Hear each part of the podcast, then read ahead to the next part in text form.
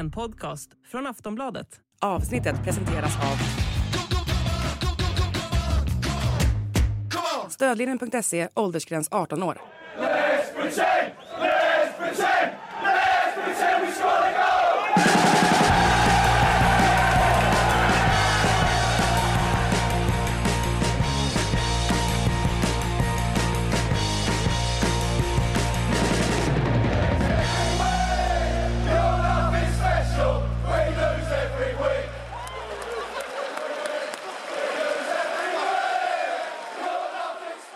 Sportbladets Premier League-podd. Eh, välkomna till den här måndagen. Makoto i studion och Frida eh, från London i vanlig ordning. Patrik Syk heter jag.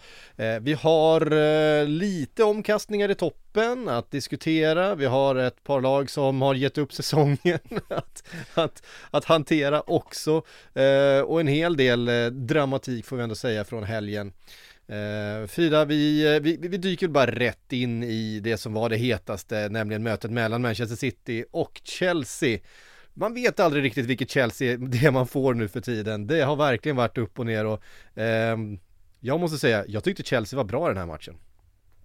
Ja, absolut, definitivt de 70 första minuterna ungefär. Jag tycker att de har en matchplan som fungerar väldigt väl, särskilt där i första halvleken när Man City är lite dåliga, dåliga på att vinna andra bollar och Chelsea, de är väldigt välorganiserade defensivt och sen så trycker de upp när de väl får lägen och ställer om. Och om det inte vore för att de har en tendens att bränna en del lägen så hade de nog varit ja, inte bara 1-0 upp utan kanske 2-0 upp eller mer i halvtid. Så att, eh, Alltså så, Enzo Fernandes är ju skyldig eh, Nico Jackson en förklaring till varför han springer i vägen för honom och skjuter iväg sam- bollen. samtidigt så hade väl Enzo tittat på Jacksons missar under första halvleken och tänkt att här får man nog eh, ta saker i egna händer själv för att det ska bli något mål. Men och jag tycker ju till och med att när Raheem Sterling gör Chelseas mål så hans första touch är ju inte alls bra, men sen så räddar han upp det väldigt skickligt och så blir det bra i slutändan. Men ja, hade Chelsea varit lite mer kliniska så hade de kanske suttit in ännu bättre sits till andra halvleken. Sen får man ju komma ihåg att ja, men Man City justerar en del grejer rent taktiskt, Foden, han, han tar ett kliv in så att Kyle Walker trycker upp och jag kände väl också där att om det är någonting Pochettino gör i den här matchen som Ja, nu, nu är det svårt att sitta så här med facit i hand och säga att han borde inte ha gjort det här, men just när han plockar av eh, Palmer var det väl för Chalobah och eh, sen även Jackson då. Jag vet inte, det blir nästan som att Chelsea bara backar hem och bara inväntar det här hugget från Man City som slutligen kommer då genom Rodris skott som visserligen är en styrning men det räckte ju i alla fall för att få med sig en poäng. Sen visst, Holland har miljoner lägen i den här matchen så att det hade ju kunnat sluta annorlunda men allt som allt en väldigt fin insats av eh, Chelsea måste man säga. Innan vi, vi tappar det så måste man ju säga, alltså jag håller med om Sterlings första mål, han blev lite krångligare än vad det hade behövt vara för att göra mål där kanske men Jacksons framspelning, briljant. Han gör ju faktiskt det väldigt bra också den här, den här matchen. Han var ju, han var ju jättebra Ja. i alla lägen förutom i avslutningslägena. Han Och, brukar ju typ vara så med ja, honom. precis. Han var jätteduktig på att länka upp och var överlag med, med i spelet på ett väldigt bra sätt. Men ja, han är ju sådär, man kan inte riktigt lita på honom när eh, han är sista man framför målvakten. Absolut inte. Eh, sen också så här håller jag med om att de dummaste lag du kan backa hem mot på det här sättet är ju Manchester City. De kommer hitta en lucka ändå på något sätt och där då att ta ut folk som ändå kan hjälpa till att vara vassa i omställningarna som ändå kommer i ett sånt läge då det, det kanske var någonting som Pochettino skulle gjort annorlunda men vem vet, det här kanske slutar med att det slutade 2-1 i City istället. Eh, sen är väl känslan att det funkar inte helt perfekt för dem. Nu släpper de in en ganska hyperoffensiv elva här som de har gjort ganska ofta men jag tycker till exempel att någon som saknas den här säsongen är ju John Stones i sin eh, liksom specialroll där tillsammans med Rodri. Det funkade oerhört bra förra säsongen. Det blir inte riktigt samma grej när du har Akanji till exempel som går in och får uh, göra något liknande. Det blir inte liksom lika effektivt och framgångsrikt känns det som. Nej, nej och och det- var precis som du var inne på här.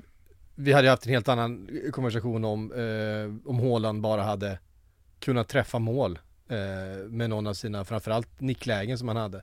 Eh, för han har ju faktiskt riktigt fina. Och vi ser ju en liten eh, måltorka, Frida, från eh, Erling Haaland som vi inte upplevt tidigare. Han gjorde ju två förra helgen. Jo, jag vet, men det är de enda två målen han liksom har gjort de senaste, ja men det, jag tror det är sex spelade matcher eller någonting och fem som han inte har gjort mål. Alltså för, en, för vem som helst annars är det ju inte en måltorka, men just för Erling Haaland så, så i alla fall den upplevelsen. Ja, han ställer ju väldigt höga krav på sig själv såklart. Han har ju satt en Och, rätt eh, hög ribba. Precis, det har han. Och eh, det fanns en väldigt intressant diskussion här förra veckan som där Guardiola fick svara på frågor om det också, huruvida Haalands kroppsspråk är det bästa. Alltså Guardiola menar ju på att han han får inte riktigt visa hur frustrerad han blir, alltså att han kanske gör det lite för öppet. Och vi såg ju också i den här matchen efter slutsignal, jag har aldrig sett en spelare stirra så tunt framför sig som Erling Haaland gjorde, men samtidigt så, jag tycker väl inte att det gör någonting på så vis att han är verkligen en lagspelare. Visst, anfallare bryr sig alltid om sig själva. De sätter sig själv i första rum, så, så kommer det alltid vara. Men Haaland vill ju verkligen, han är ju en vinnarskalle som få. Så att jag fattar att han är missnöjd när han radar upp, var det 8-9 möjligheter i den, här, äh, i den här matchen. Och det är väl klart att han ska sätta några av dem, när han är den han är med de kvaliteterna. Men jag är väl inte särskilt, alltså just med Manchester City och sånt, visst, de har släppt in en del mål och eh, de ser lite fragila ut ibland. Och det finns ju uppenbarligen ett sätt att såra dem på, det är via omställningar och det såg vi, eh, ja men exempelvis i matchen mot Everton som de ju vinner till slut. Där var ju Everton också rätt så farliga på sina omställningar, så det är klart att det, det är där man kan såra Man City. Men grejen är väl att då krävs det också att man har den här kvaliteten som Everton inte hade, men som Chelsea hade i den här matchen, så att de får in det här målet. Jag är inte så eh, orolig för Man City på det stora hela. Jag tror inte att man ska dra för stora slutsatser av den här matchen, om ni förstår vad jag menar. Mm. Eh, Men samtidigt så absolut, de, där är ju någonting för Pep Guardiola att fundera över. Men jag tror också att det har att, ja, dels då John Stones, Akanji som kanske inte är lika bra i den rollen, men också att man ibland saknar en sån spelare som Bernardo Silva, som kan ta tag och hålla i bollen. Och det har vi pratat om hela säsongen, att man City på något sätt har blivit av med så många spelare som har de egenskaperna. Och i den här matchen så kommer ju Bernardo Silva slutligen in och det var väl för att han, han kände sig väl inte helt i form. Men ibland så tror jag att det är precis det Man City behöver. De behöver de här spelarna, de här tekniska spelarna som på något sätt kan ta tag i bollen så att man undviker att hamna i de situationerna som Man City tenderar att göra, eller har tenderat att göra den senaste tiden. Sen, sen har de ju ändå alltid Rodri som Alltså, så här, såklart det var en styrning på skottet och så vidare men bara att få det avslutet med den bågen som han fick i det här läget är ju otroligt skickligt. Och han kliver ju fram när de behöver det så oerhört ofta med det där, den där skottfoten som, som Han är gör så. viktiga mål. Han gör otroligt viktiga mål, eh, väldigt ofta och han är ju otroligt viktig i allmänhet också. Jag tycker han är helt fenomenal faktiskt.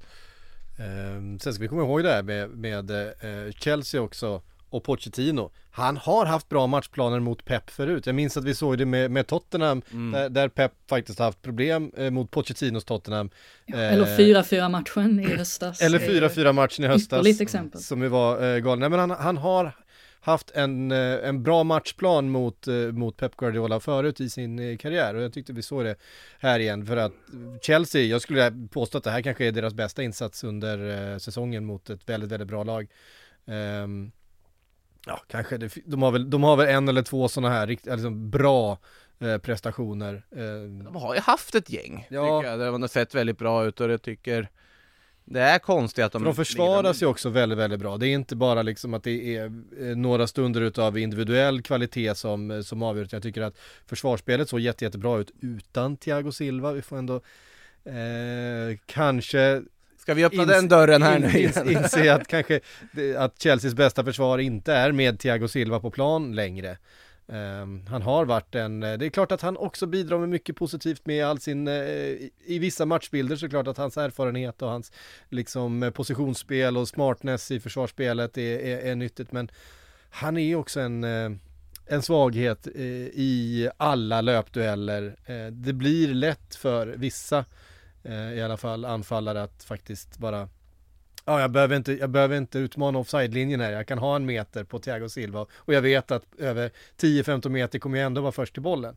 Eh, så känner ju all, inte alla, men de flesta anfallarna i Premier League just nu och det är klart att ehm, det, blir en, det blir en svaghet och någonting för motståndarna att hela tiden eh, eh fokuserat i spel på. Jag tycker eh, mittfältet funkade bra för, för eh, eh, Chelsea defensivt här också för att City har ju såklart jättemycket boll och de rullar runt och de letar läge men får ganska lite och de chanserna som Håland har är ju mycket, ja men det är inlägg som kommer och de chanserna han har är ju med huvudet eh, i första hand och eh, nej men det var en, en solid defensiv eh, insats utav Chelsea som vi definitivt inte har sett eh, alla matcher den här säsongen. Nej, men jag tror att det de gör så bra, om man nu ska komma in på det här med mittbackarna och mittfältet, och jag tyckte väl framförallt att det var samarbetet dem emellan som mm. fungerade så bra. Jag tycker Disasi är väl den som sticker ut mest av mittbackarna. Men sen också att man har den här tryggheten att Gusto klev ju ut ganska aggressivt. Och sen så fick han understöd av Palmer också, så de var ofta två mot en mot exempelvis då Doku. Men det gjorde ju att den här, den här ytan mellan Disasi och Gusto som då lämnas, den klev Caicedo ner på. Och då klev även Fernandes över på den kanten och såg till liksom att verkligen trycka in Man City i ett hörn. Så att så länge Kevin De Bruyne inte fick möjlighet att, att slå sina fantastiska passningar så fungerade det jättebra. Så jag tyckte väl framförallt det här med att mittfältet verkligen offrade sig, att det här handlade ju mer om att stänga ner och pressa snarare än någonting annat. Och den biten tyckte jag att de gjorde väldigt bra i den här matchen. Vill, innan vi lämnar det också bara lyfta geniet på eh, sociala medier eller i flödet som fick för sig att på den här videon där när Håland knuffar bort kameran, till att börja med, varför ska kameran vara där och peta på honom direkt efter slutsignal så nära liksom? Jag förstår För att, att han, han är den största Jo jag vet, jag, jag, jag vet varför, jag vet varför på så vis, men jag förstår att han blir frustrerad på det, eh, på något sätt eh, i det här läget och det är inte en så allt för hård knuff. Men den, det här geniet som klippte in då Martin Ödegård som står med kameran i det, ja, det, det är väldigt roligt, det får jag ändå säga. Ja, lite kontrovers på slutet också, var, var det en straff där till City? Det var, det var både hands och en tröjdragning i liksom straffområdet, väldigt rörigt. Eh, ingenting blev det i alla fall och det var, kändes som en en helg där mer uteblivna domslut mer än någonting annat eh, avgjorde. Eh, vi har ju varit inne på det här med just Manchester City, ofta när man pratar med Manchester City och de har vunnit en match, de har ju den här förmågan att se ut som att de i liksom treans växel bara kan vinna alla matcher som de spelar. Det ser så självklart ut. Man, man, man, man ser inte ett scenario där de förlorar några poäng överhuvudtaget. Eh, sen kommer sådana här matcher. Det laget som jag tycker har den kvaliteten just nu, Arsenal, som ju vann så enkelt, så enkelt mot Burnley. 5-0 Frida. Ja, det, eh. det, är ingen som snackar längre om att de behöver en nia, vad konstigt. Nej, de har in mål. mycket mål som helst plötsligt. Ja, precis. Ja, nu, nu stämmer ju allting. Sen får ja. man väl, nu var ju detta Burnley och de är ju inte direkt äh, ligans starkaste lag. Jag skrattade till lite för att just den här meningen som de flesta spelarna och tränarna säger efteråt är ju att ah, this, this is a tough place to come to. Alltså sådär att oh, det här är en tuff arena att besöka. Jag trodde inte riktigt på Mikael Arteta när han sa det där om Turf Moor. Alltså visst, ja, det är väl vad det är på något sätt för Burnleys del, att de har inte riktigt uh, de har inte riktigt uh, den här skräckauran som många andra lag, exempelvis då Luton som vi kommer komma in på, som mm. de har på hemmaplan. Den har ju inte Burnley skapat sig den här säsongen. Men en, en väl genomförd match för Arsenal. Jag tyckte att de var i kontroll, ja, i, genom hela matchen egentligen. Um, Bukayo Saka, återigen, han kliver fram, visst den där straffen, jag vet inte tusan vad Trafford sysslar med i det läget för att det är som att han, han kastar sig åt rätt håll och sen stannar han upp ja. i kaströrelsen och eh, så går bollen in. Väldigt konstigt för att det, eller det kändes som att han faktiskt skulle få en, en ordentlig hand på den bollen och kunna styra bort den helt men nej, det rullar på för Arsenal just nu och Martin Ödegård var ju den starkast lysande stjärnan i mitt tycke. Han, ja, eh, han var skott. överallt och ingenstans och hans mm. avslut är ju helt fantastiskt. Mm. Och det är ju också sådär, i en sån här match med ett, ett uppgivet, nästan på förhand Burnley eh, mot Arsenal så 1-0 efter tre minuter Arsenal kan slappna av, de kan spela ut, eh, Burnley blir stressade, eh, det börjar smyga sig in, åh nej, är det en sån här en sån här dag idag, eh, vilket det ju var. Eh, Det var just en sån dag. det var just en sån dag, nej men det, det, är ett, eh, det kunde bara gått på ett sätt. Eh, och det kände man ju direkt när 1-0 kom från Ödegård, det var ju liksom en Arsenal var bättre från start, målet kommer nästan omedelbart. Eh, då, blir det, då blir det oundvikligt eh, på något sätt så här. Quality sleep is essential for boosting energy, recovery, and well being. So, take your sleep to the next level with Sleep Number. With a Sleep Number smart bed, you can individualize your comfort level and enjoy a better sleep night after night. JD Power ranks Sleep Number number 1 in customer satisfaction with mattresses purchased in-store. And now the Queen Sleep Number C4 smart bed is only $1,599, a saving of $300 only for a limited time. For JD Power 2023 award information, visit jdpower.com/awards. Only at Sleep Number stores or sleepnumber.com. Det ska bli oerhört kul att se Arsenal nu i Champions League känner jag. Alltså nu har de ju, det har ju varit ganska behagliga motstånd, eller de har gjort motståndet behagligt i alla fall i Premier League på sista tiden men ställat mot uh, Porto här blir väldigt kul att se hur, hur de kommer se ut. Uh, Porto är bra. Ja, men så det ska bli väldigt, väldigt intressant. Jag hoppas ju att Eh, inte någonting emot Porto, men man vill verkligen se Arsenal också ställa mot de här absolut bästa lagen ute i Europa verkligen. någon gång den här säsongen och se vart det här laget står. Jag tycker det har varit väldigt spännande att se om inte annat. Eh, sen, vi såg det mot Liverpool eh, för ett par veckor sedan där de ju var det klart bättre laget. ja, Eh, Faktiskt. Och, och nej, men de har, de har den höjden i sig. Ehm, och det skulle jag säga under den här säsongen det enda laget som har varit eh, jag som har sett alla Liverpools matcher. Det är enda gången jag har känt att motståndet har varit det bättre. Eh, ordentligt liksom. Det har ju varit Arsenal. ja de, de har få, fått ihop det och sen med Trossard som nia, det har ju funkat väldigt, väldigt bra. Mm. Eh, som länkar upp med alla som hela tiden är involverade i olika saker och, Han är väldigt vass alltså. Ja och sen, sen nu när Bukayo Saka kommit igång, vi, ja, absolut straffen är en sak men avslut, att andra mål det är ju ett klassavslut bara rakt upp i nättaket. Ja, det var det som var så intressant att när man tittade på siffrorna efter den här matchen, alltså expected goals exempelvis, så låg det bara på 2,36. Och de Mm. gör alltså fem mål. Det indikerar ju på något sätt att de gör mål som kanske inte alltid blir mål. Men och det då var hade de en straff, och en straff ja. har väldigt högt XG också i sig. Så att, Ja. Ja, men inte så högt. Ja, alltså så bara det att ska du har en göra straff. enorm skillnad. ja, bara att ha en eh, straff ger det ganska mycket tror jag. Ja, en, en del, men jag tyckte mest att det var intressant för att det visar ju just att de gjorde en del svåra mål. En shoutout till Kai Havertz också, eh, som jag tycker är bra i den här matchen och eh, hans avslut mål. är ju väldigt fint. Mm. Sen har det ju funkat verkligen med Kivior som vänsterback känner man att det har gett en trygghet liksom till till försvaret också. Sinchenko har sina fördelar men det känns som att Kivior nästan spelar till sig den där platsen nu eh, helt och hållet och det funkar ju för honom. Han bidrar ju offensivt också med väldigt fin passningsfot och allt.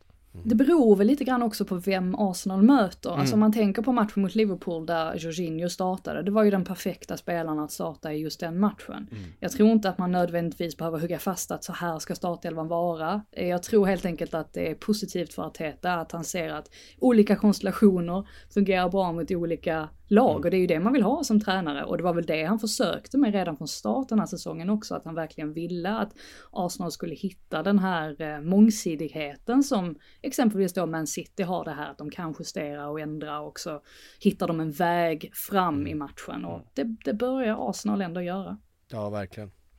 Ehm, för nu när City då tappade poäng så eh, kliver ju Arsenal upp Eh, och även Liverpool som besegrade Brentford med 4-1. Eh, det var en eh, ganska tuff inledning på matchen men, men i slutändan inte så mycket att diskutera. Liverpool helt enkelt bättre än Brentford i den här matchen på bortaplan. Det är ingen... Det, kanske Burnley har haft något av en eh, in, inte så skräckfaktor den här säsongen. Brentford har haft lite av en skräckfaktor. Det är typiskt sånt där lag som Liverpool har en tendens att halka på eh, borta, men eh, trots ett par tuffa skadeavbräck som vi väl eh, måste diskutera också, så en, en övertygande seger eh, för Liverpool och Salah tillbaks och Salah tillbaks och gör Salah saker, ett plus ett eh, på dem, den timmen han får spela. Vad pigg han såg, alltså vad spelsugen han såg ut när han kom in Salah. Jag tyckte bara liksom sprudlade om honom egentligen. Sen såklart, han kanske skulle gjort något bättre av något av sina lägen, men han går därifrån med 1 plus 1 i sin comeback efter att ha varit borta länge.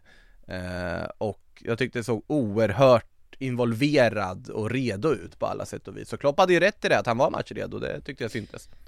Ja, alltså det var ju starkt av Liverpool att vinna trots alla de här skadorna och avbrott i spelen som det blir och ja, det finns ju sämre ersättare än Mohamed Salah att slänga in när det blir skador på Diogo Jota och Darwin för den delen också.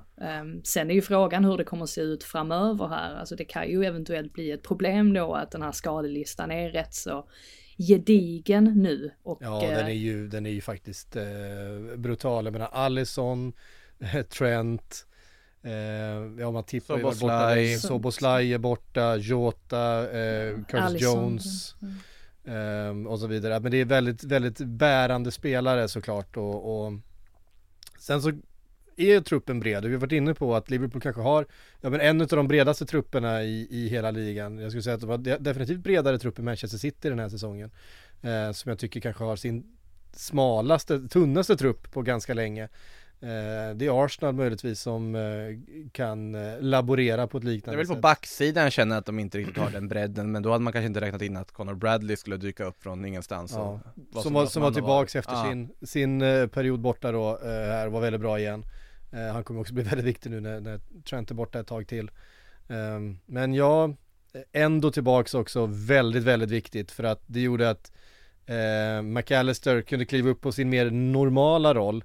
Eh, det här var ju mer den rollen som man tänkte sig att han skulle ha. Han är överallt, han är inblandad i precis allting. Han är också den som så här fyller på in i straffområdet och gör jättefint mål då framspelad av Salah. Ehm, och sen kan han också falla tillbaka och mer bli en dubbel pivot tillsammans med ändå. Det är väl lite som den rollen han hade bredvid Caicedo liksom i, i, i Brighton. Eh, och det var väl den man hade eh, förväntat sig kanske att han skulle ha mer. Så han får spela mycket nummer sex då den här säsongen. Men eh, jag tyckte han var, var jättebra den här. Och Det är Darwin Nunez, vi måste prata om hans, jag måste prata om hans avslut. Ja, jag tänkte precis nämna det. Det, det är en jävla skallen. För han har missat så mycket målchanser och han har fått så mycket skit för att missa mycket målchanser trots att han har varit väldigt bra. Ja men det är klart man ska lobba målvakten i det där läget och göra det, det, är, det är en, han är inte som alla andra. Michael Owen håller inte med. Han tyckte att, eh, han, han sa ju såklart att han har loopat det här avslutet och han tycker det är fantastiskt vackert. Men samtidigt så sa han att man kan, man kan inte testa det där i det läget. Varför inte bara göra det enkelt och lägga in den vid ja, Han borde ju passat sida. framförallt, han borde ju passat tillbaks till Jota. Det är väl, det hade väl varit det, det korrekta att göra, men vi, vi, vi bryr oss alltså Darwin är inte den som ska göra rätt, fatta rätt beslut hela tiden. Han ska lobba målvakten. Eh, och det gjorde han, det var ju otroligt vackert Sen, sen kan man ju faktiskt ifrågasätta vad Brentford sysslar med i den här matchen. Alltså just i det här att de står ofta väldigt högt med backlinjen, vilket känns väldigt riskabelt mot just Liverpool. Och sen också hur de försvarar sig vid en del mål. Och det har man sett tidigare också. Jag tyckte att i mötet med Man City så var de likadant det här med att visst, de fick en del eh, fick inte lovord eller hyllningar efter första halvleken, men jag tycker samtidigt att alla, alla mål de släppte in mot Man City, det var ju just att spelarna låg fel i positionerna och här blir det lika, lite likadant också. Jag tycker Collins, han är ju helt av det vid Salas mål är det väl, eh, där han verkligen inte gjorde det bra så att Ja, jag tycker ändå att man kan, man kan ändå ifrågasätta hur eh, pass tufft motstånd eller hur pass tufft Brentford gjorde det för Liverpool. Men med det sagt så är det ju förstås positivt för, för Liverpool att få med sig tre poäng här trots alla skador och alla avbrott och så vidare. Alltså Brentford skapade ju ändå ganska mycket framåt, men jag håller helt med om att alltså, bakåt fanns det ju inte mycket att hurra för i den här matchen i alla fall. Nej, och sen, ja, men till exempel då vid 1-0 där eh, Brentford bara har lämnat en back, en försvarare. Eh, men det är ju också sättet som Brentford spelar fotboll på. Jag menar, de gör mycket av sina mål på fasta situationer och deras alltså Thomas Franks liksom, eh, vad ska jag säga, kalkylerade risk i det, det är att, eh, ja, han var inne på det själv, ja, vi släppte in eh, mål på vår egen fasta situation, men det är första gången vi gör det den här säsongen och man, han, han vet att de tar en risk genom att göra så, men de gör mer framåt än vad de förlorar bakåt. Eh, just här då så, det var ju bara en rensning från van Dijk rätt upp i luften och plötsligt så var det Eh, två mot en, Diogo Jota bara kunde nicka fram den till, till Darwin. Rens, alltså med tanke på van Dijk har ändå ganska bra fötter, det där var nog ganska medvetet att få upp den där bollen. Ja, jag vet Alltså jag tycker, han har ju Flera jätte... gånger han slog den där långa som var väldigt, väldigt bra liksom. Ja, eh, och Liverpool nu då upp i, i serieledning igen. Eh, och även då, eh, vad ska man säga, någon slags med tanke på att Manchester City med en match mindre spelad har ju hela tiden haft den här hängmatchen. Man hade kunnat eh, kliva upp nu. Nu är eh, Liverpool i ensam ledning igen och den här perioden som kommer här lite senare fram i mars när Arsenal och Liverpool båda två ska möta Manchester City. Eh, den blir väldigt intressant. Det är där ligan kommer att avgöras. Det, det är så vi känner.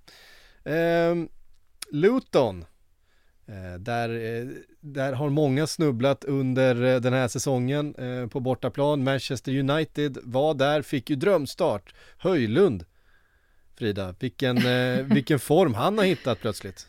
Ja, vilken ketchup-effekt. Tänk vad lite självförtroende kan göra för en. Och han har gjort mål nu i sex raka matcher är det väl, sju mål på, mm. på sex matcher. Är yngste att göra det någonsin.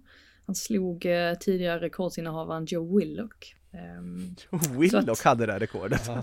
ja, precis. Så att nej, det rullar på för Höjlund. Jag tycker väl framförallt att hans andra mål, när han liksom bröstar in bollen, otroligt skickligt. Jag tycker nästan att det inte pratas nog om det avslutet. För att det, alltså han måste göra det, han, han, får så få sekunder på sig mm. att hinna bestämma sig för vad han ska göra. Så det är verkligen bara en det är en, det är en klassspelares rena instinkt som han går på. Och det blir ju bra också. Sen skulle ju Man United givetvis ha gjort fler mål ja. än så. Alltså hur många... Garnacho borde ha Ja, alltså. Garnacho borde definitivt, han var ju oerhört frustrerande att se i den här matchen. För att jag tyckte det var många gånger som han, han fattade fel beslut. Och all heder till målvakten Kaminski också som ja, ju, ju gör sina räddningar, de ska göras. Men eh, Bruno Fernandes hade något eh, läge också en mot en. Så att eh, Man United hade kunnat utöka siffrorna här. Men Luton är, det är ett roligt lag. Det var en väldigt underhållande match att se på. Och jag tycker att det är fint att se också efteråt hur hela publiken står upp och hejar på dem som om att de har vunnit för att det, det måste ändå vara skoj att eh, gå och se sitt lag göra sådana här insatser mot de största klubbarna. Eh, så att eh, ja, även om 2-1 det, det ser knappt ut men men United hade kunnat göra det här mer bekvämt också och Verkligen. tog inte sina chanser. Men det är ju skillnad på, alltså om det varit några av de andra två nykomlingarna, en av dem har vi pratat om, en kommer vi in på, sen som hade tappat 2-0 så här tidigt, då hade de kollapsat fullkomligt och förlorat med 5-6-7-0. Luton är av annat virke i år, de kommer tillbaka på ett, uh, på ett sätt och ger inte upp. Och så får de ju såklart reduceringen med Carlton Morris och det ger ju liksom mer tro och så vidare. Men jag tycker de gör det jättebra från, ja mer eller mindre från att de släpper in 2-0 och framåt.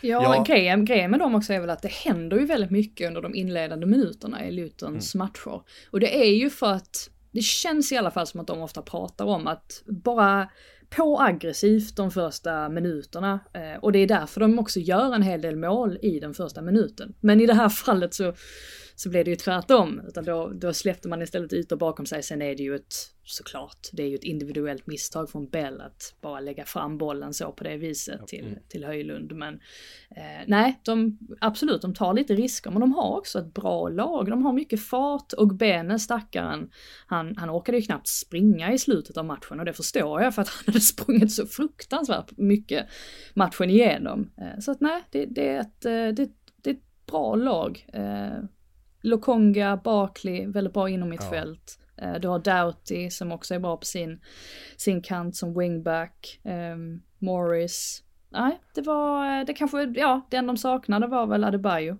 såklart. Ja, Nej men det, han saknade såklart, men så, det är ju också så här med, med Luton, de gör då 2-1 efter bara, det är ju bara några minuter efter att eh, eh Höjlund gjort 2-0 då.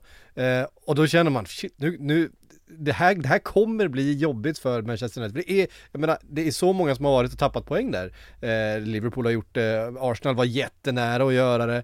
Eh, tappade City poäng där också? Jag vet inte men det, det är ett... Eh, höll på att göra det. De höll på att göra det. Ja, men de har varit- hållit på att göra det. Ja men, men det, det är liksom, det är ett sånt tufft ställe att åka till och ehm, det är ju faktiskt bara ett par decimeter i slutet när eh, eh, eh med eh, Townsend nickar ju bollen i ribban det sista som händer.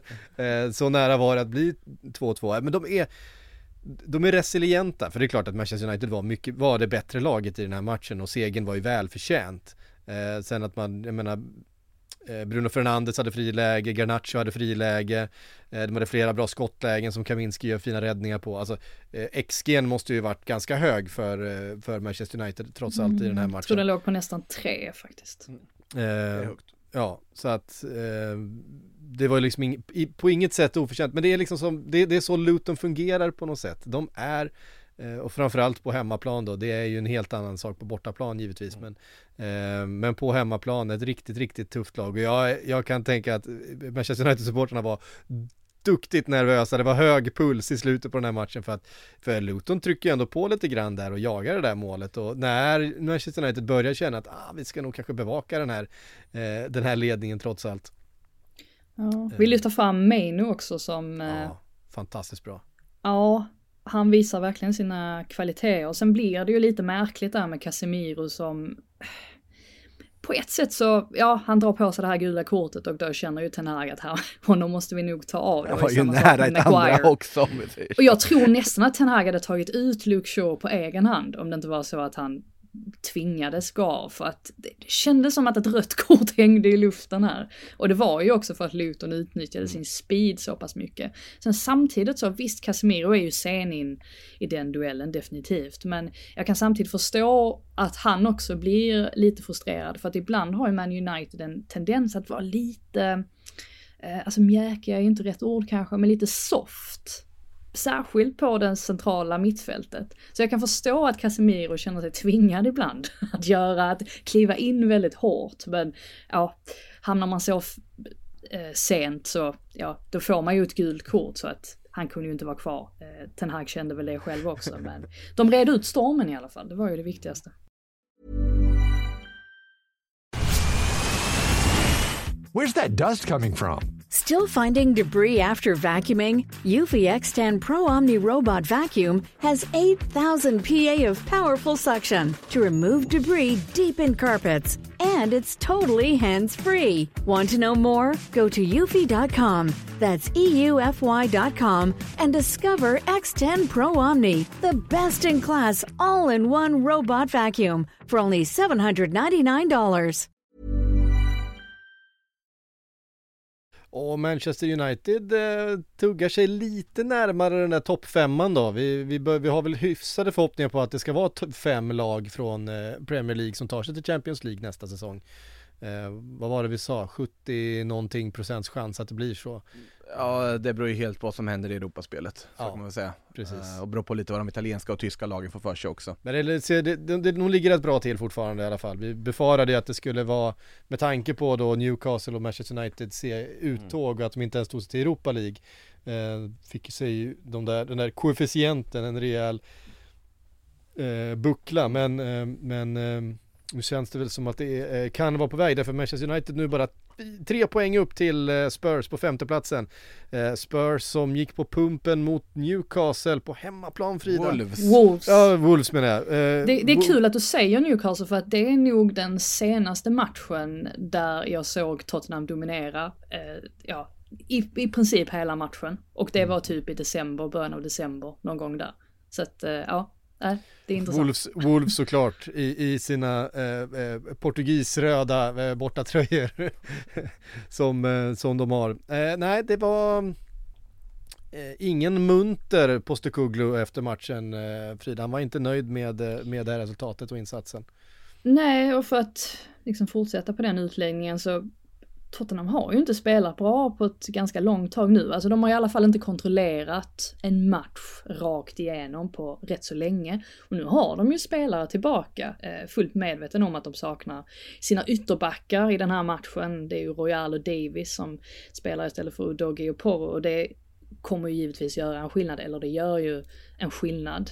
Men eh, samtidigt så är det ändå lite oroväckande att, att de har tenderat att, eller har börjat ha en tendens att inleda matcher rätt så långsamt. Jag tyckte att inledningsvis på säsongen så var nog deras största styrka att de bara flög ur startblocken och var väldigt aggressiva första 20-30 minuterna och så satte de på något sätt matchbilden där och de mm. kanske fick in något mål och det kändes som att motståndarna fick anpassa sig ut efter dem.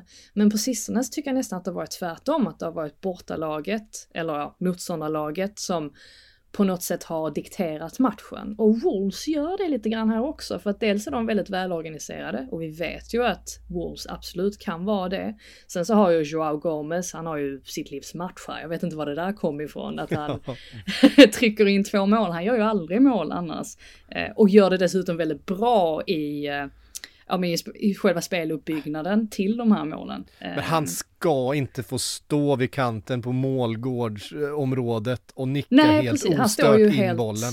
Menar, ja, han behöver inte ens löpa någonstans. Han, precis, han bara står helt still. Ja, men vad, han är liksom 1,65 lång eller något. Uh, han kanske är lite längre så, men det är ju ingen stor spelare eller, eller någon jättestark nickspelare överhuvudtaget. Men, jag tror i och för sig att han är 10 centimeter längre än det, men det, ja, jag är inte säker.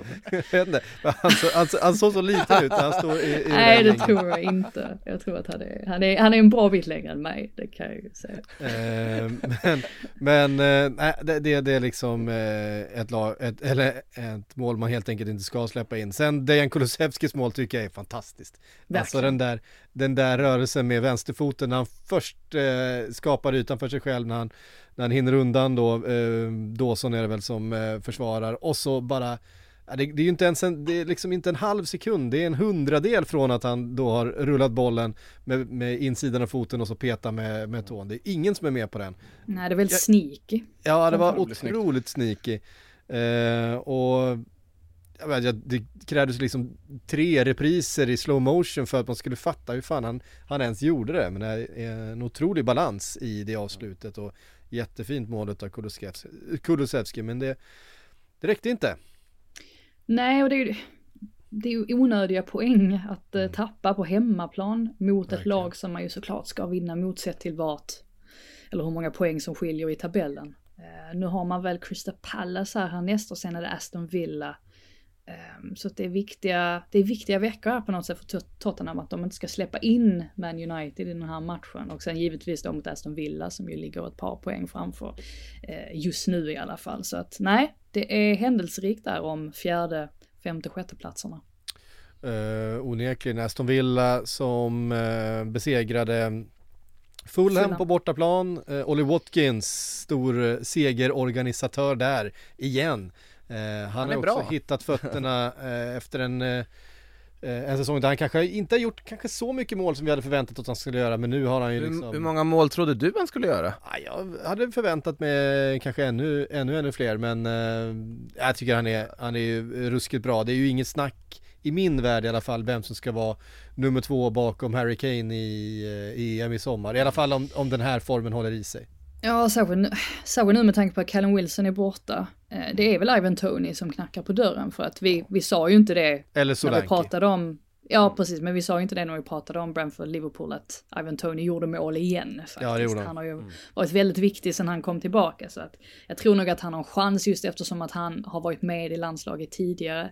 Så Lanke är väl lite mer osäkert ändå om, om Southgate känner att det här är rätt läge. Att, ah, om han är så mycket bättre än vad de här andra spelarna är, det är jag inte så säker på.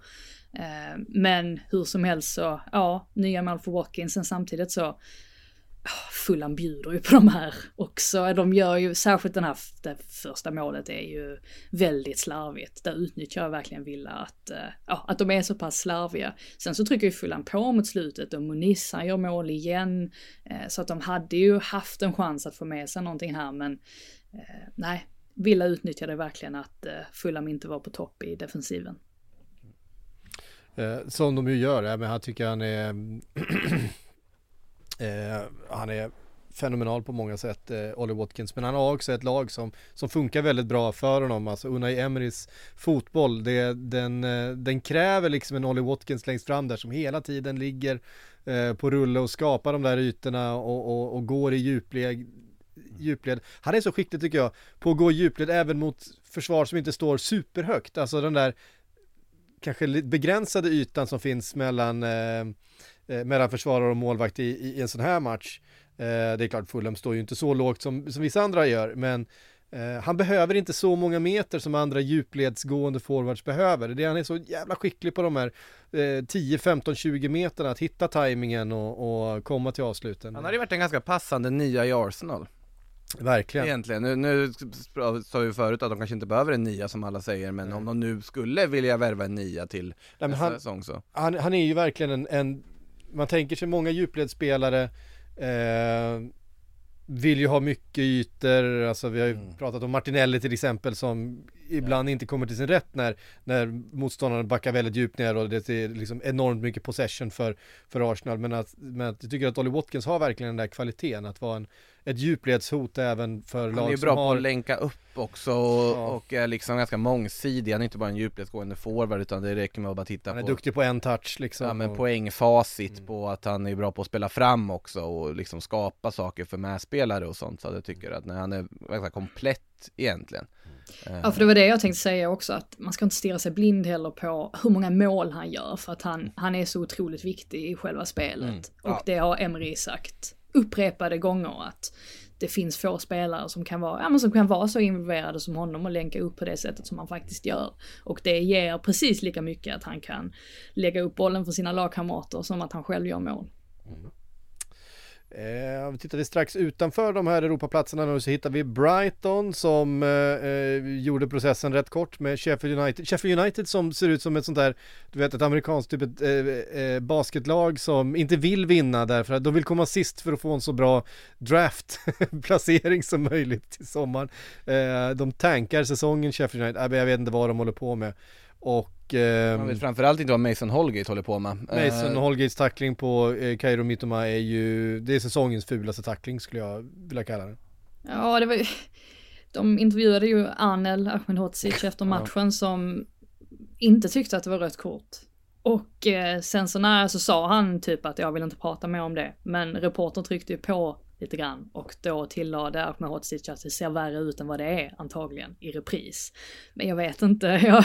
Alltså det Jamie- ser rätt illa ut i repris. Ja, det är ju, det är ju faktiskt rena överfallet. Ja. Men eh, absolut, jag kan fatta också att han vill stå upp för sin lagkamrat. Men i, i det fallet blev det kanske lite fel ändå.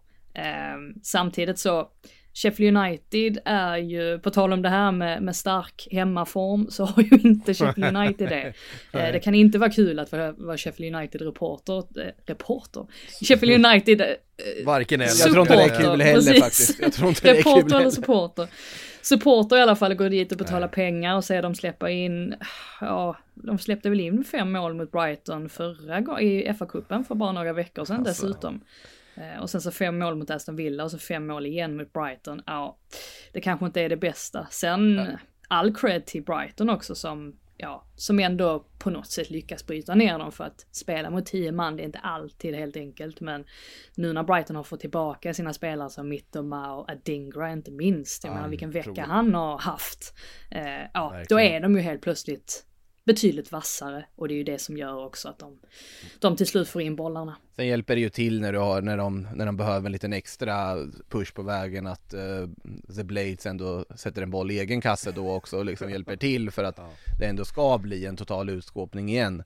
Eh, är det är alltså fascinerande uselt och jag är liksom förvånad att folk, och det, det är all heder till eh, Sheffield United-supportrarna som fortfarande då betalar för att gå och titta på de här matcherna och, och är på plats på den här läktaren. För eh, många hade nog gett upp för länge sedan om de går dit och får se sitt lag ta dumma röda kort efter liksom kriminella satsningar liksom efter 12 minuter eh, eller göra självmål eller göra vad som helst och bara, nej det är otroligt mörkt alltså och uselt från, från den här säsongen tycker jag. Och framförallt på senare tid. Ja, nej, eh, bedrövligt, bedrövligt lag.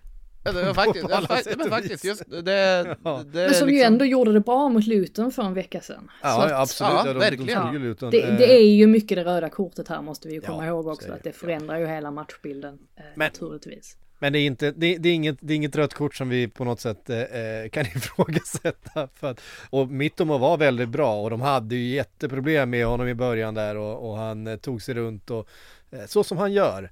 Eh, Fast och, inte gjort så mycket eh, sen han kom tillbaka från skadan, han har inte varit i någon sån här superform direkt. Så nej, att, ja, men de hade problem med honom och det här, alltså Väldigt sträckt ben, det dobbar rätt in i sidan på knät.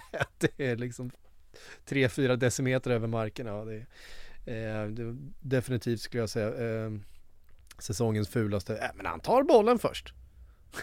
han, tar, han tar bollen med vänsterbenet först. ja, det, Eh, ja, det, det, det är till och med de mest inbitna eh, Brexit, Brexit fotbollsförespråkarna eh, skulle nog hålla med om att det där var mörkrött. Brexit fotbollsförespråkarna, okej. Brexit, Brexit fotboll, har du inte hört det ut- uttrycket? ja, nej inte här i alla fall.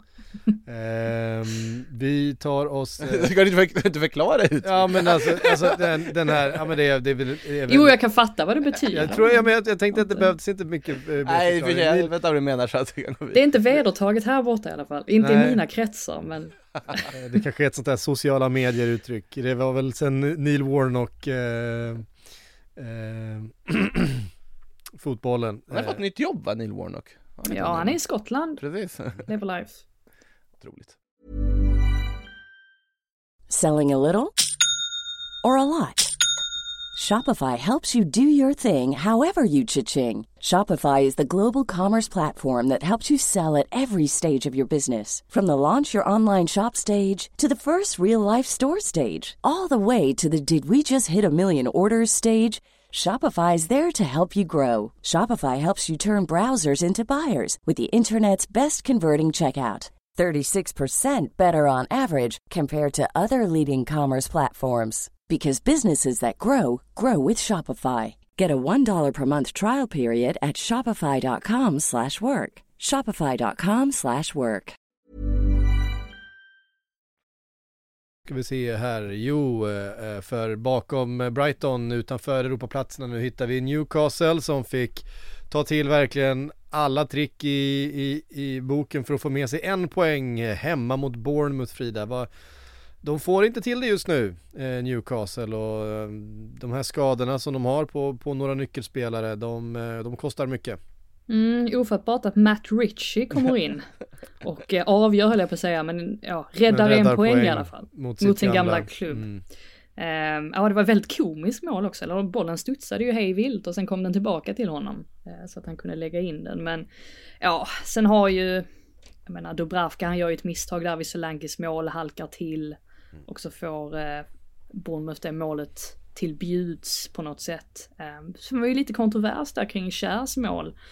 Han dras ju i tröjan av Smith är det väl på en frispark och sen så tog det väldigt lång tid att komma fram till att det där skulle vara straff trots då att han möjligtvis, möjligtvis var offside. Eh, men det, enligt regelboken så är det så det ska gå till. Eh, så att ja, jag vet inte riktigt. Alltså, det är ju egentligen samma visa som vi pratade om förra veckan det här med att ja, de släpper in en hel del mål nu för tiden.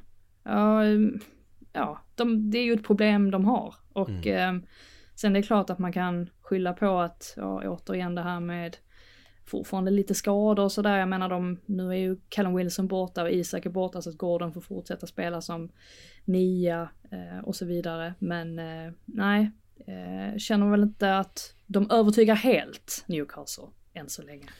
Nej, och, och ja, men vi har varit inne på att det är lite, de är lite tröga de där mittbackarna. Bournemouth sprang sig ju fria ett par eh, tillfällen i, ganska tidigt i den här matchen och tvingade ju Newcastle att eh, faktiskt kanske ta lite mer höjd, inte våga stå så högt som de hade velat, inte ha lika, lika tätt mellan lagdelarna eh, som eh, Eddie Howe kanske helst hade önskat. Jag vet inte, jag jag, tror, jag är fortfarande inne på det där att jag tycker att de har för orörlig backlinje. De skulle behöva en, en mittback med lite, lite mer löpstyrka. Eh, för det hade ju faktiskt kunnat stå både, både 1 och 2-0 före ehm, eh, eh, ettan kommer där i, i andra halvlek. Jag tycker Bournemouth skapar mer än vad, vad Newcastle gör.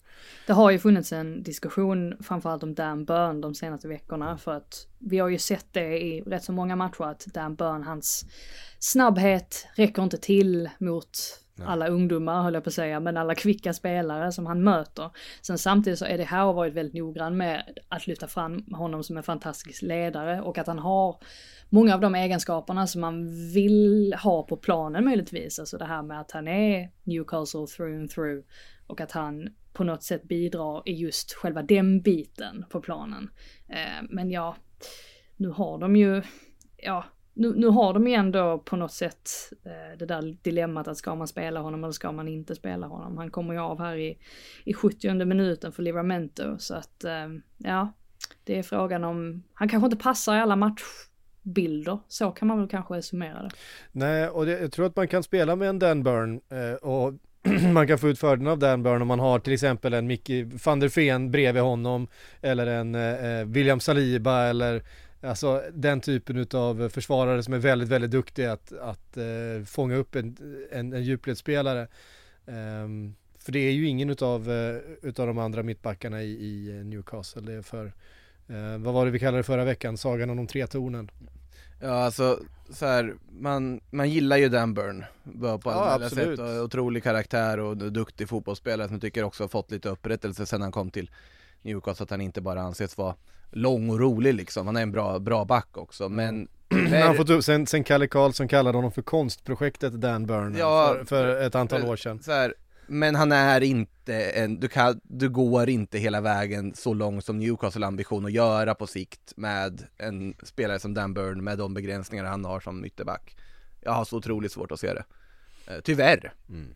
Men uh, Ja. Så... Det är underhållande matcher i alla fall. Ja, alltså ja. Man, som sagt, man gillar ju Dan Burn, man gillar att se Dan Burn och man blir glad av Ja, nej men Newcastle i stort menar jag att Ja, du menar så ja, ja så ja, är det absolut. De har ju faktiskt bjudit på en del riktigt intressanta matcher de senaste veckorna. Sen kanske man inte går så långt som man vill heller med att börja förlita sig på att Matt Rich ska komma in och, och lösa kvitteringar heller.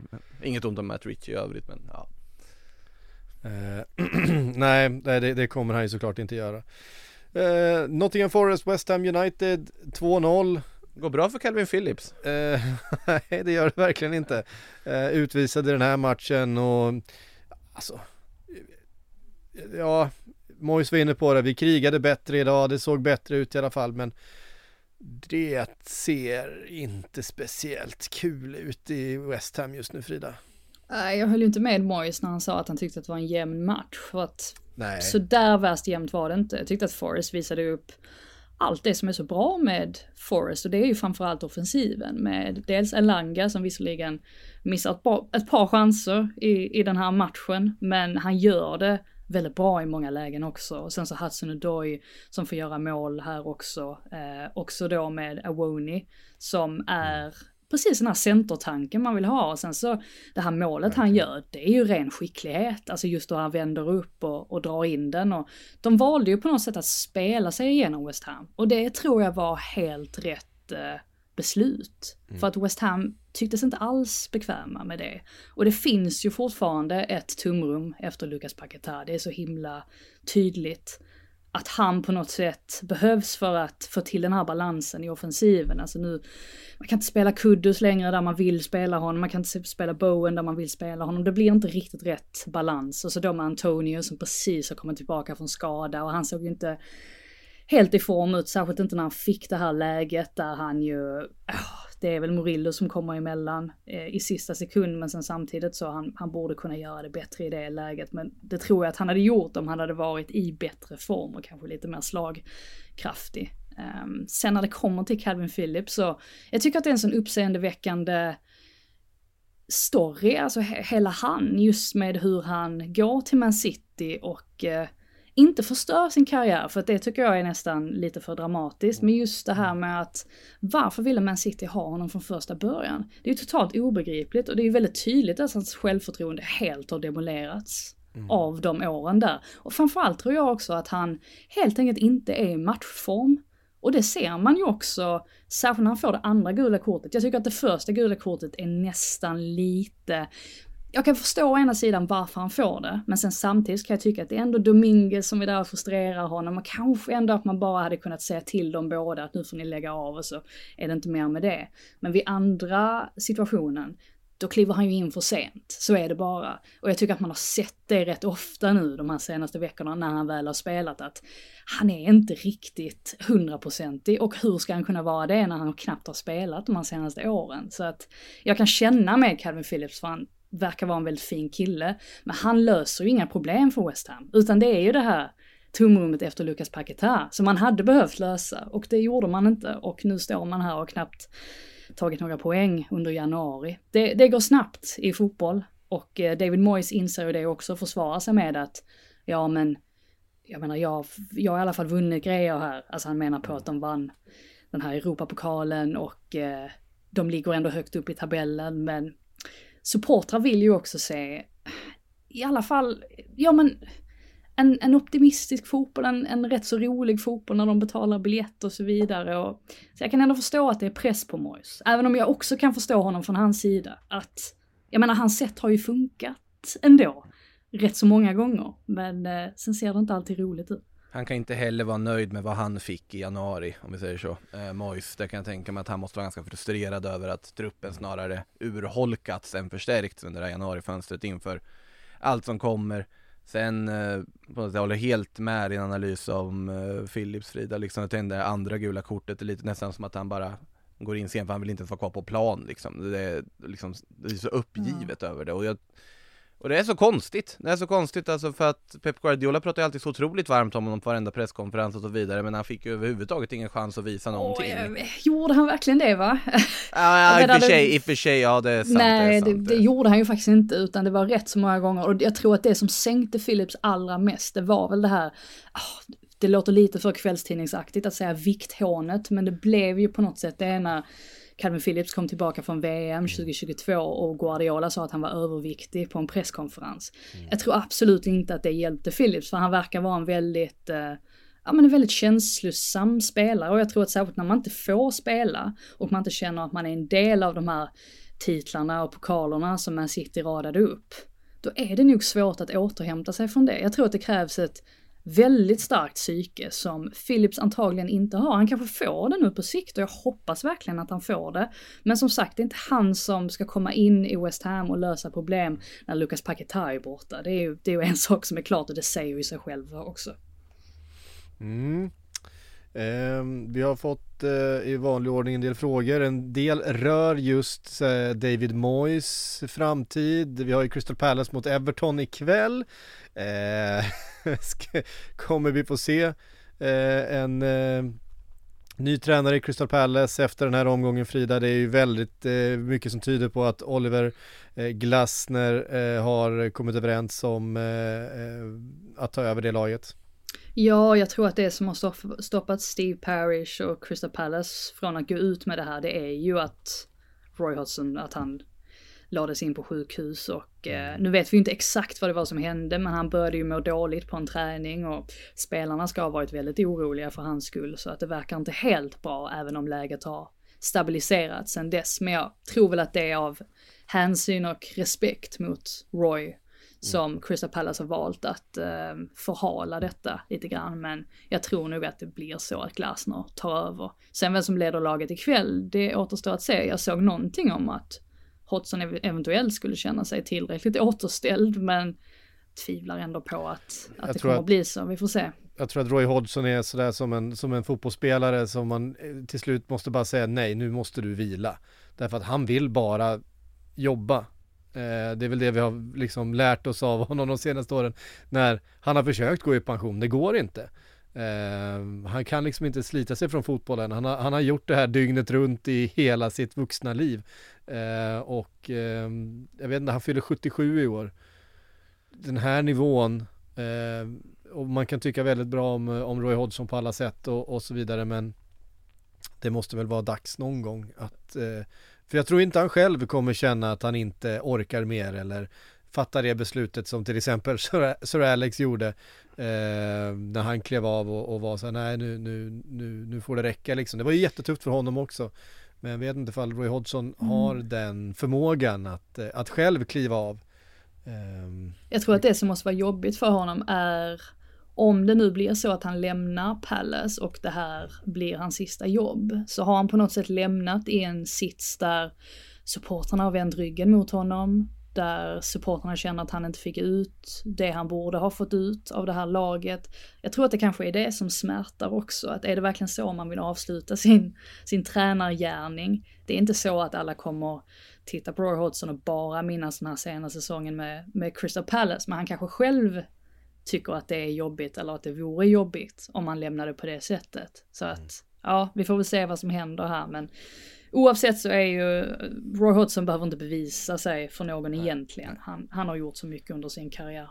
Det där, det där är också på något sätt uh, tudelat då att om det då går bra så kommer han själv känna att men då kan jag fortsätta. Så att det blir ju också på något sätt att uh, kan nog vara svårt att få det perfekta slutet på tränarkarriären på så vis. Sen är det väl det enda rimliga av Palace att faktiskt ha känsla nog att vänta med att presentera att de har sparkat honom.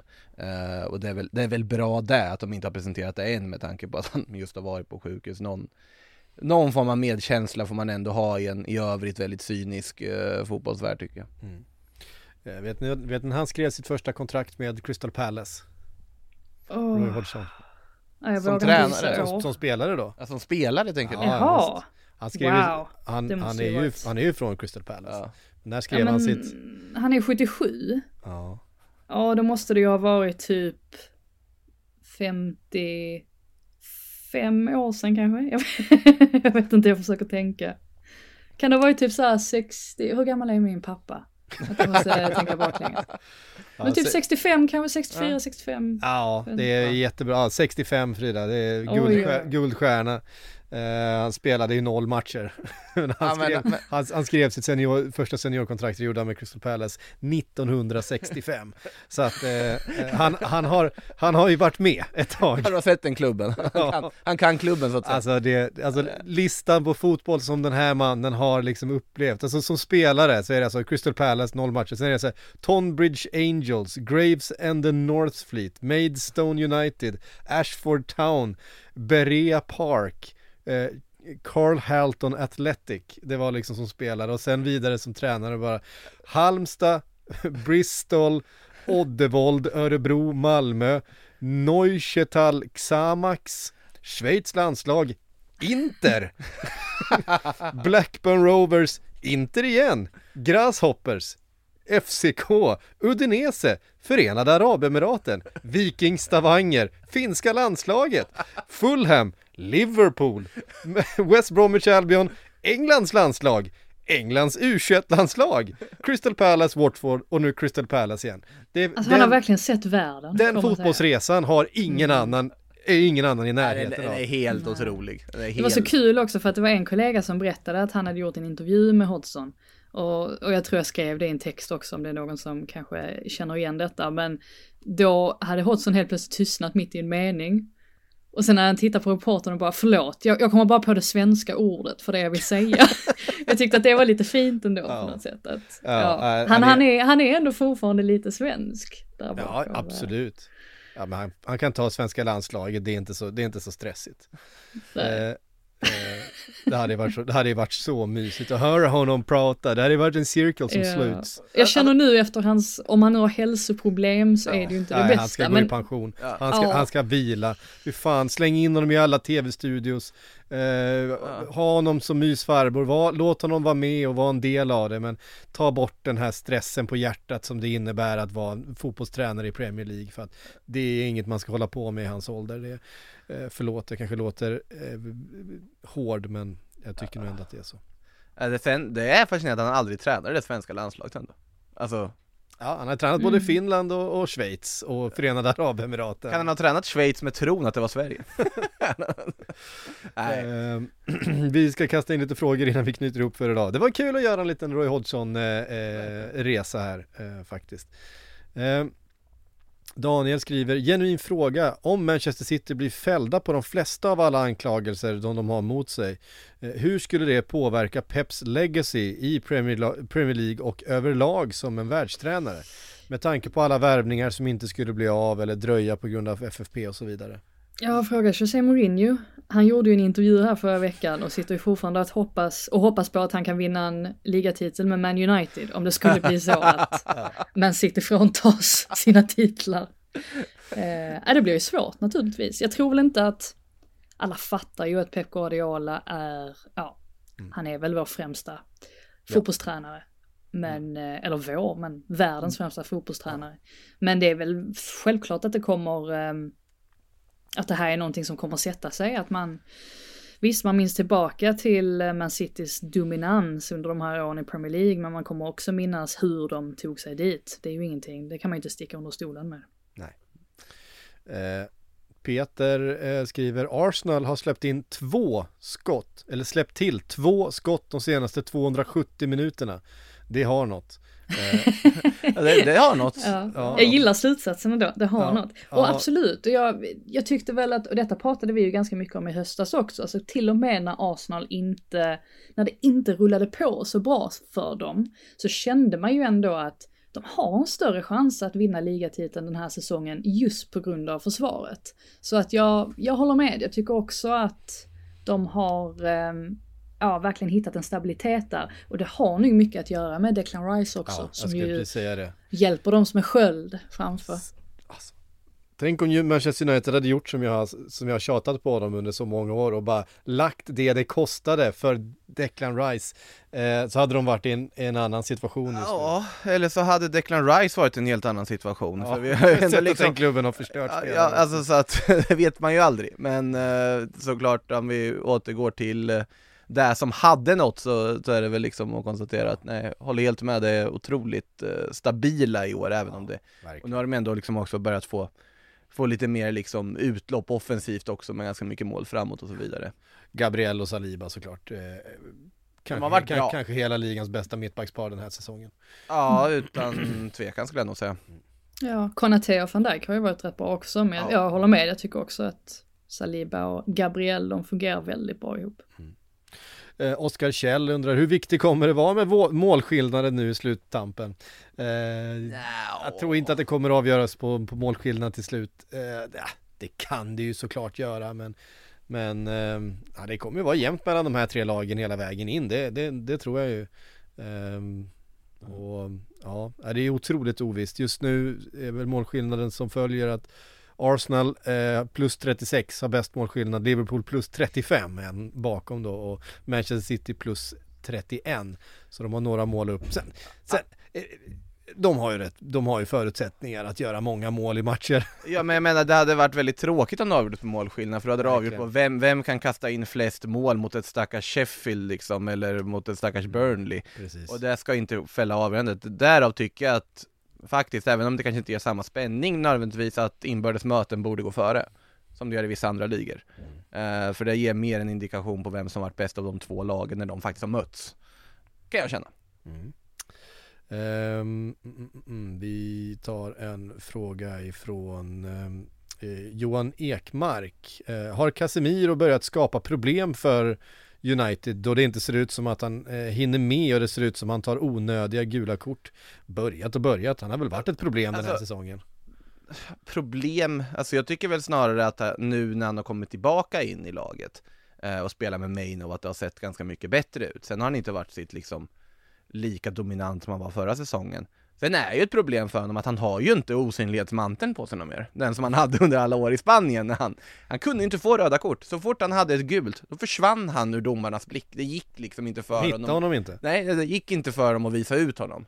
Och det var någon så här helt onödig grej som han fick sin första utvisning för minns jag. Och så här andra gult då. Uh, han har inte den osynlighetsmanteln i England för att där är det snarare att alla har blickarna på honom hela tiden så han får snarare fler kort än vad han kanske förtjänar ibland.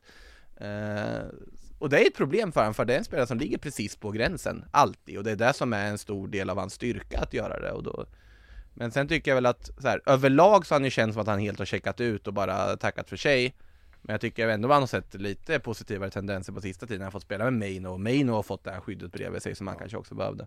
Ja, fram, kanske framförallt har han fått spela med en bättre, bättre ja, men jag menar, ja, det också. i, i, i Maino ja. som jag tycker är, är, är mm. fantastiskt bra. Uh, otroligt spännande spelare. Men osynlighetsmanteln, den saknar jag nog tror jag. Mm. Så är det. Vi har ett par eh, hängmatcher i veckan och sen så är det en eh, ligacupfinal till nästa, nästa helg som vi såklart ska bolla upp när vi är tillbaka då om en eh, vecka igen. Men eh, härifrån idag så säger vi tusen tack för att ni har lyssnat och på återhörande. Du har lyssnat på en podcast från Aftonbladet. Ansvarig utgivare är Lena K Samuelsson.